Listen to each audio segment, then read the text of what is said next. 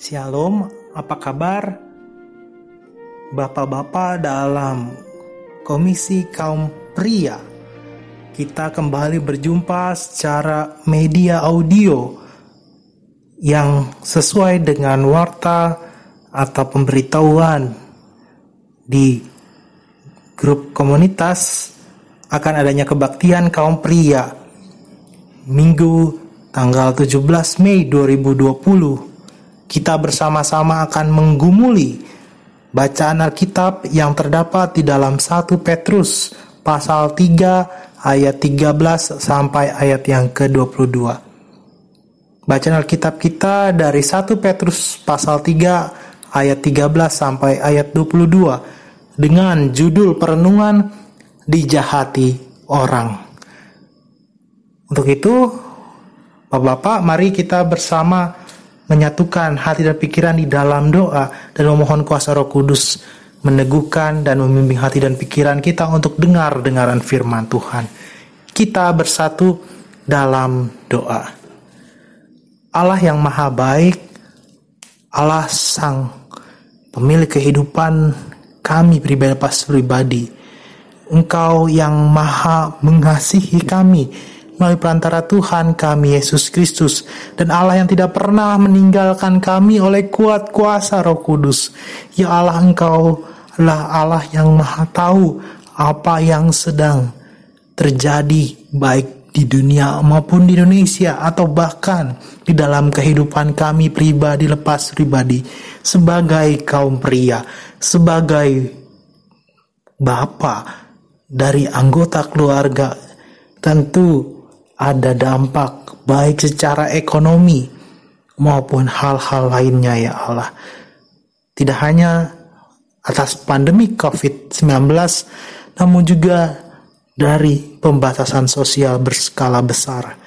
Kiranya Allah apa pun yang menggumuli hati dan pikiran kami tidak menjadi kami terbatas untuk dengar-dengaran firman-Mu ya Allah dan dari sana kami semakin dikuatkan, diteguhkan dan utamanya diberkati oleh Engkau ya Allah untuk tidak membalas apa pun yang dilakukan orang lain sekalipun kami dijahati orang ya Allah.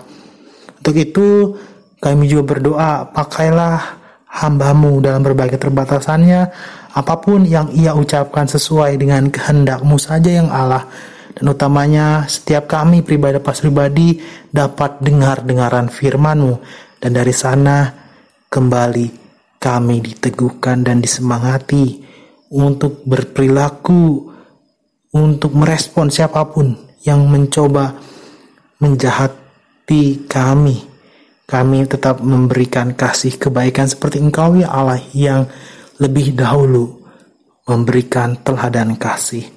Pakailah juga ya Allah alat-alat media yang kami gunakan kiranya sesuai dengan kehendak Tuhan dan selalu mendatangkan berkat. Di dalam nama Tuhan Yesus kami telah berdoa dan mengucap syukur.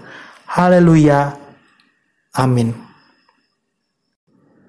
Mari Bapak-bapak kita bersama-sama membaca firman dan mendengarkan firman Tuhan dari bacaan Alkitab kita pada kesempatan kali ini di Kebaktian Kaum Pria Minggu 17 Mei 2020 terdapat di dalam 1 Petrus pasal 3 ayat 13 sampai ayat yang ke-22. 1 Petrus 3 ayat 13 sampai ayat yang ke-22 di bawah judul yang diberikan oleh Lembaga Alkitab Indonesia menderita dengan sabar. Demikianlah firman Tuhan. Dan siapakah yang akan berbuat jahat terhadap kamu jika kamu rajin berbuat baik? Tetapi sekalipun kamu harus menderita juga karena kebenaran, kamu akan berbahagia. Sebab itu, janganlah kamu takut apa yang mereka takuti, dan janganlah gentar tetapi kuduskanlah Kristus di dalam hatimu sebagai Tuhan, dan siap sedialah pada segala waktu untuk memberi pertanggungjawab kepada tiap-tiap orang yang meminta pertanggungjawab dari kamu tentang pengharapan yang ada padamu, tetapi haruslah dengan lemah lembut dan hormat, dan dengan hati nurani yang murni, supaya mereka yang memfitnah kamu karena hidupmu yang saleh dalam Kristus menjadi malu karena fitnah mereka itu. Sebab lebih baik menderita karena berbuat baik jika hal itu dikehendaki Allah daripada menderita karena berbuat jahat. Sebab juga Kristus telah mati sekali untuk segala dosa kita yang benar untuk orang-orang yang tidak benar.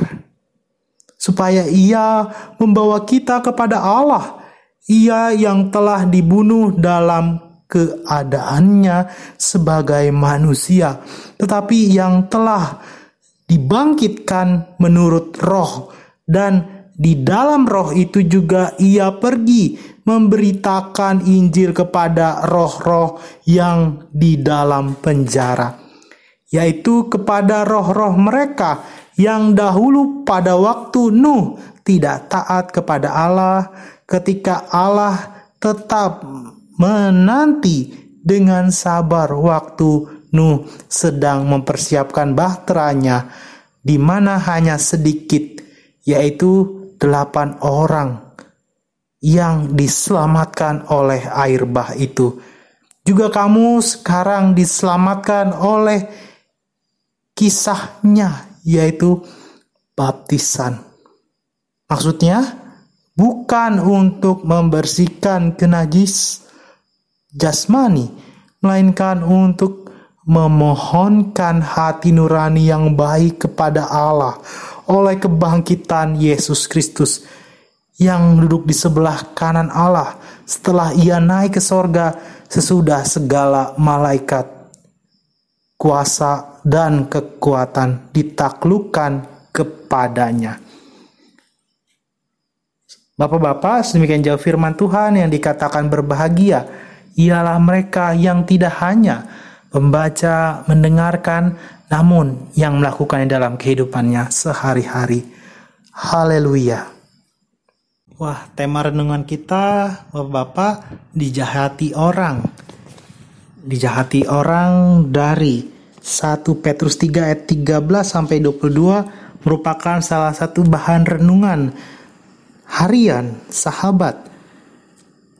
Dan dari sana kita menjadikan dasar dan dari sana kita bersama-sama menggumuli secara tematis, yakni dijahati orang. Tentu berbicara dijahati orang, tentu kita atau bapak-bapak sudah mendengar pemberitaan baik di televisi maupun di radio tentang dampak dari PSBB di mana ada banyak tindak kekerasan, pencurian, begal dan lain sebagainya. Tentu ini tidak hanya muncul begitu saja, namun ada sebab akibatnya. Sebabnya apa sehingga ada akibat kekerasan, ada tindakan jahat, atau kemudian mungkin ada orang yang kita kenal dijahati oleh orang lain. Ya, tentu akibatnya karena kebutuhan ekonomi, karena tidak adanya jalan pintas untuk terpenuhinya hal-hal secara ekonomi dan hal-hal lainnya. Nah, Bapak-bapak, di dalam surat 1 Petrus 3 ayat 13 sampai 22 yang tadi kita baca, ini merupakan ajakan agar setiap kita untuk sebagai umat rajin berbuat baik Kok di dalam 1 Petrus 3 ayat 13 sampai 22 kita diajak untuk terus berbuat baik. Nah, ternyata Bapak-bapak saat itu surat 1 Petrus yang menjadi dasar bacaan firman kita ditujukan kepada orang-orang Kristen yang tersebar di Asia Kecil. Nah, ini ya Bapak kepada mereka yang tersebar di Asia kecil atau mungkin bagi kita saat ini. Ditulis oleh Rasul Petrus kira-kira tahun 63 sampai tahun 64 Masehi. Dan Bapak-bapak latar belakangnya meskipun ada penganiayaan yang merupakan salah satu alat yang diberikan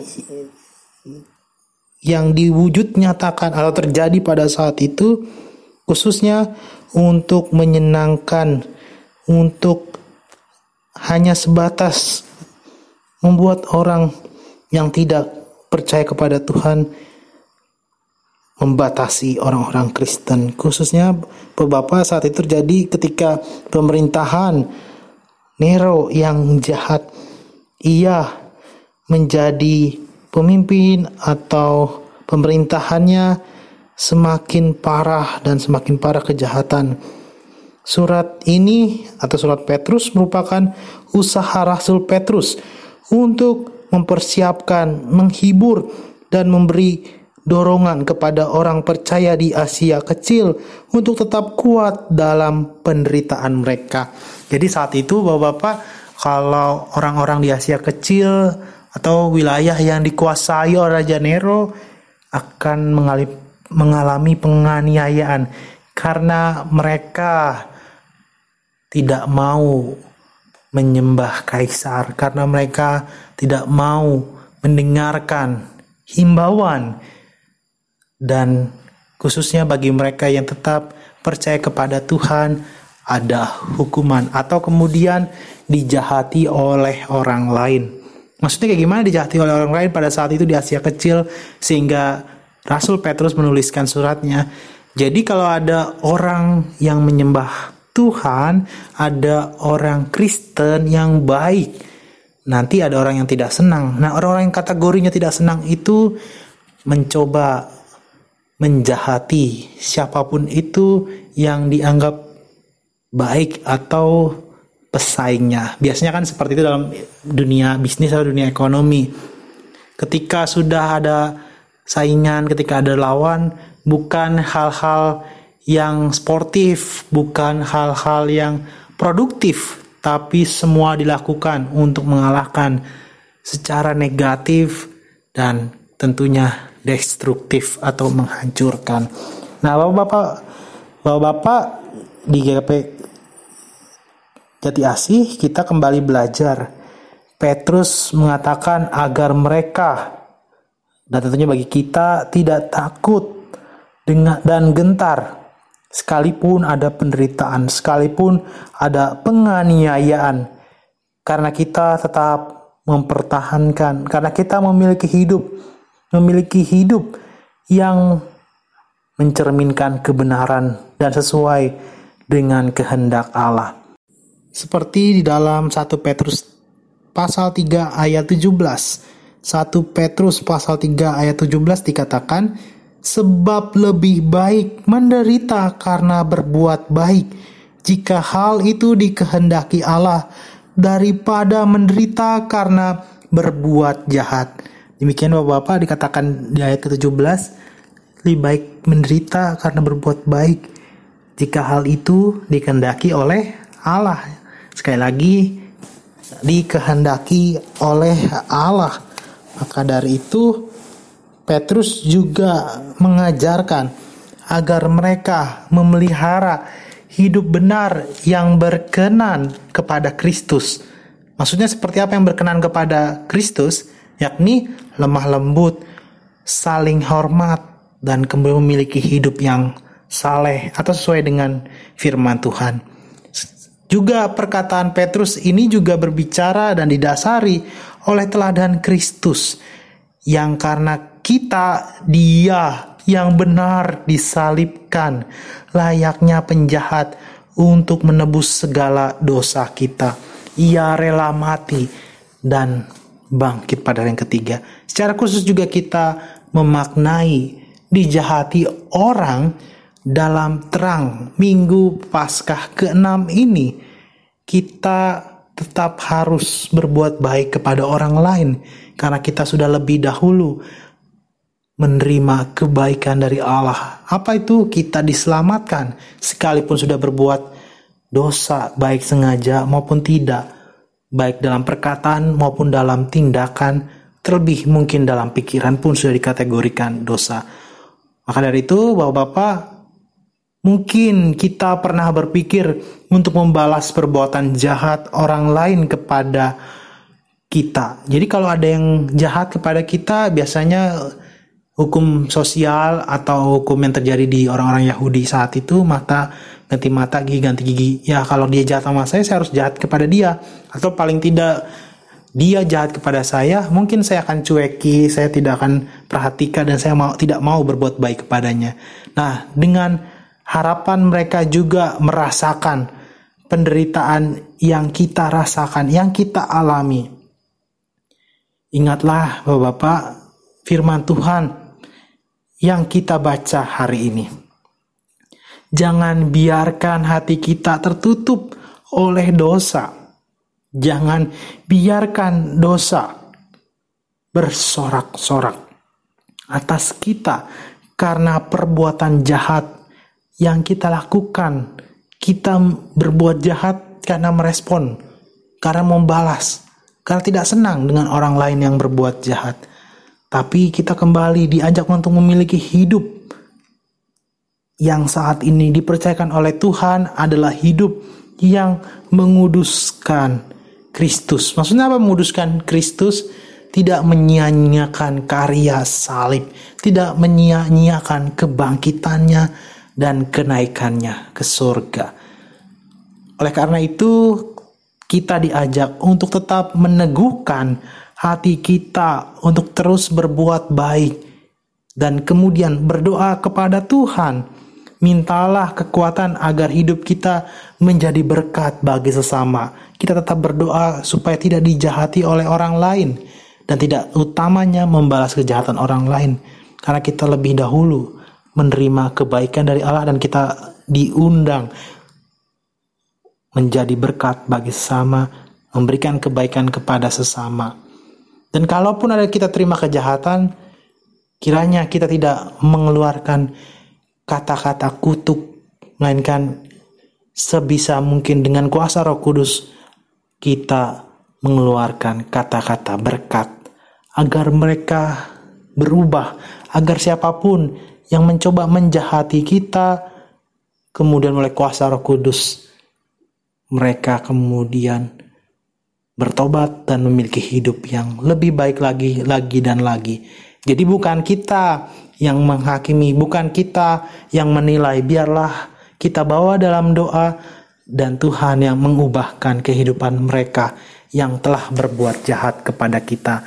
Kiranya di minggu Paskah ke-6 ini kita terus menjadi pribadi lepas pribadi yang memiliki hidup kudus seperti Kristus yang rela berkorban bagi hidup kita, hidup keluarga kita, dan untuk setiap ciptaan Tuhan. Selamat menjadi berkat sekalipun dijahati orang lain. Kiranya kita tidak mengucapkan kutuk, tetapi kita mengucapkan berkat. Dan dari sana Tuhan kemudian memakai kita dan membuat hidup kita lebih lagi dan lagi terberkati. Tuhan Yesus selalu menguatkan, meneguhkan, dan memberkati kita. Amin. Mari Bapak-Bapak, sambil bersaat teduh, kita bawa setiap pokok-pokok doa secara pribadi maupun secara bersekutu di KP Jati Asih di dalam doa. Kita bersatu di dalam doa. Ya Allah yang maha kasih, yang kami kenal melalui perantara Tuhan kami Yesus Kristus, Allah yang mengasihi kami, rela menderita, disalibkan, mati dan bangkit pada hari yang ketiga. Kalaupun engkau sudah naik ke sorga, engkau tidak pernah meninggalkan kami Engkau akan mengirimkan dan sudah mengirimkan kuasa Roh Kudus. Dan kami percaya dan mengimani kuasa Roh Kudus itulah yang menentramkan, yang membimbing dan meneguhkan iman kami. Sekalipun kami dijahati oleh orang lain, kiranya kami tidak berbuat jahat kepada siapa pun dan pakailah kami untuk kemudian menjadi berkat bagi siapa pun bahkan bagi mereka yang sudah menjahati kami. Ya Allah yang maha baik terlebih dalam saat ini Indonesia atau di sekitar kami sedang terjadi pandemik atau COVID-19 berserta PSBB ya Allah.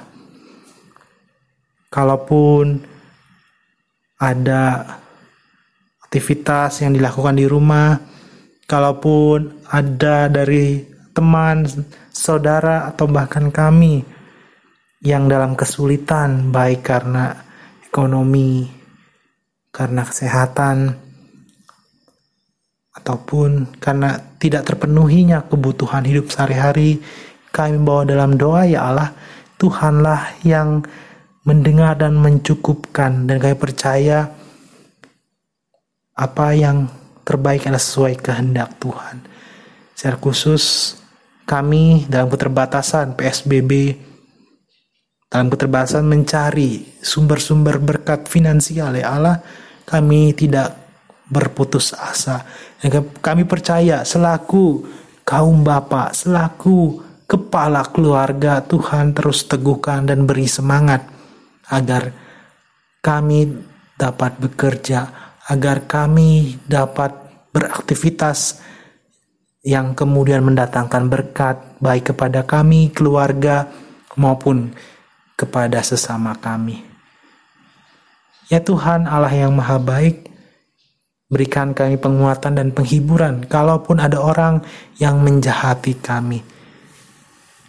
Dan kalaupun juga ada di antara kami yang mungkin pernah berbuat jahat dengan sesama, kami Allah Kiranya Tuhan yang membuat kami berubah dan kami dilayakan kembali untuk meminta maaf kepada siapa pun itu. Allah yang maha baik, kami juga membawa dalam doa untuk kami selaku kaum pria atau kaum bapak ya Allah. Ke dalam nama Tuhan Yesus serahkan setiap doa-doa kami. Secara khusus kami mendukung dalam doa bagi mereka yang sedang sakit atau dalam proses pemulihan. Kami mendukung dalam doa untuk Bapak Kamsan Sitorus, Bapak Jahotler Nadeak, Bapak Richard Manulang, Bapak Makmur Sianturi, dan Bapak Kiraman Sinambela ya Allah. Pribadi lepas pribadi ya Tuhan Engkau jamah melalui obat-obatan, perhatian keluarga, istirahat yang cukup, dan utamanya iman pengharapan kepada Engkau saja Allah yang maha baik. Tuhan, kami percaya mereka pribadi pribadi Tuhan berikan kesembuhan dan utamanya keluarga tetap mengandalkan Tuhan dan tetap ada damai sejahtera di tengah-tengah keluarga tersebut. Allah yang maha baik, kami juga membawa dalam doa untuk pribadi pribadi yang Tuhan telah tambahkan usia. Kami membawa dalam doa untuk Ibu Sri Mastuti Burus Tompul, Bapak William Ricardo Manurung ya Allah. Kami serahkan pribadi pas pribadi baik keluarga, baik pekerjaan maupun aktivitas mereka ya Allah. Kiranya Tuhan yang jamah dan Tuhan yang hadirkan berkat-berkat Tuhan dan pakai mereka pribadi pas pribadi untuk menjadi berkat. Allah yang maha baik selaku umat percaya dan dalam persekutuan GKP Jemaat Jati Asih kami membawa dalam doa untuk keluarga Bapak Fendi Poluaka dan keluarga Bapak Vikolas Brilian Pandia. Engkau yang tahu eh, apa yang mereka butuhkan. Engkau hadirkan sesuai kehendak Tuhan. Kita yang mereka pas pribadi di dalam anggota keluarga, Tuhan selalu hadirkan berkat. Allah yang maha baik, kami juga membawa dalam doa untuk Ibu dan Bapak Majelis Jemaat GKP Jati Asih, untuk Ibu Pendeta Adolfina, PPJ, KPS TK Pasundan Jati Asih, dan guru TK. Dan untuk setiap komisi baik kategorial maupun non-kategorial, ya Allah yang Maha Kasih, kami tetap bersekutu dan memuliakan Tuhan. Biarlah kehendak Tuhan saja yang jadi, dan utamanya tidak adanya kepentingan pribadi, tidak adanya egoisitas ya Allah, dan kiranya menjadi ungkapan syukur Tuhan sudah memberkati kami pribadi pas pribadi dan kami mau terus memuliakan Engkau dalam pelayanan, dalam persekutuan dan dalam kesaksian sesuai tritugas panggilan gereja. Allah yang maha baik kami mau mendukung juga dalam doa untuk bangsa dan negara Indonesia terlebih di dunia ini ya Allah di tengah pandemik COVID-19 ataupun secara khusus pembatasan sosial berskala besar ya Allah. Kami tidak tahu sampai kapan pandemi, sampai kapan PSBB ini berlangsung. Namun kami mendukung dalam doa baik para dokter, tenaga keperawatan dan siapa pun di dunia medis, bahkan para ilmuwan ya Tuhan, Tuhan pakai untuk ditemukan vaksin dari COVID-19 kami juga berdoa ya Allah, tidak terjadi COVID-19 gelombang dua ya Allah. Dan apa pun kerusuhan, apa pun tindak kekerasan tidak terjadi Allah yang maha baik. Tuhan yang maha baik kami juga menyerahkan majelis pekerja sinode, badan-badan pelayanan, dan setiap pribadi-pribadi yang melayani di Gereja Kristen Pasundan secara khusus arah sinodal, arah klasikal ya Allah. Dan semua orang Tuhan pakai lagi dan lagi dan mendatangkan berkat ya Allah. Ya Allah kami tahu pokok-pokok doa syafaat kami ini jauh daripada sempurna. Maka dari itu kami mau menyempurnakannya seperti doa yang Tuhan Yesus ajarkan kepada kami. Bapa kami yang di sorga, dikuduskanlah namamu, datanglah kerajaanmu, jadilah kehendakmu di bumi seperti di sorga. Berikan kami pada hari ini iman kami yang secukupnya. Dan ampunilah kami yang kesalahan-kesalahan kami, seperti kami juga orang yang bersalah kepada kami. Dan jangan mau kami dalam pencobaan, tetapi lepaskan kami daripada yang jahat, karena engkau yang punya kerajaan dan kuasa dan kemuliaan sampai selama-lamanya. Amin.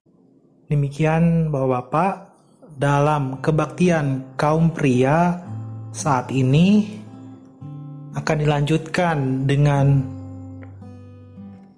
tata kebaktian secara pribadi baik melalui puji-pujian atau ungkapan syukur melalui persembahan dan kemudian menutupnya dengan doa persembahan dan doa penutup.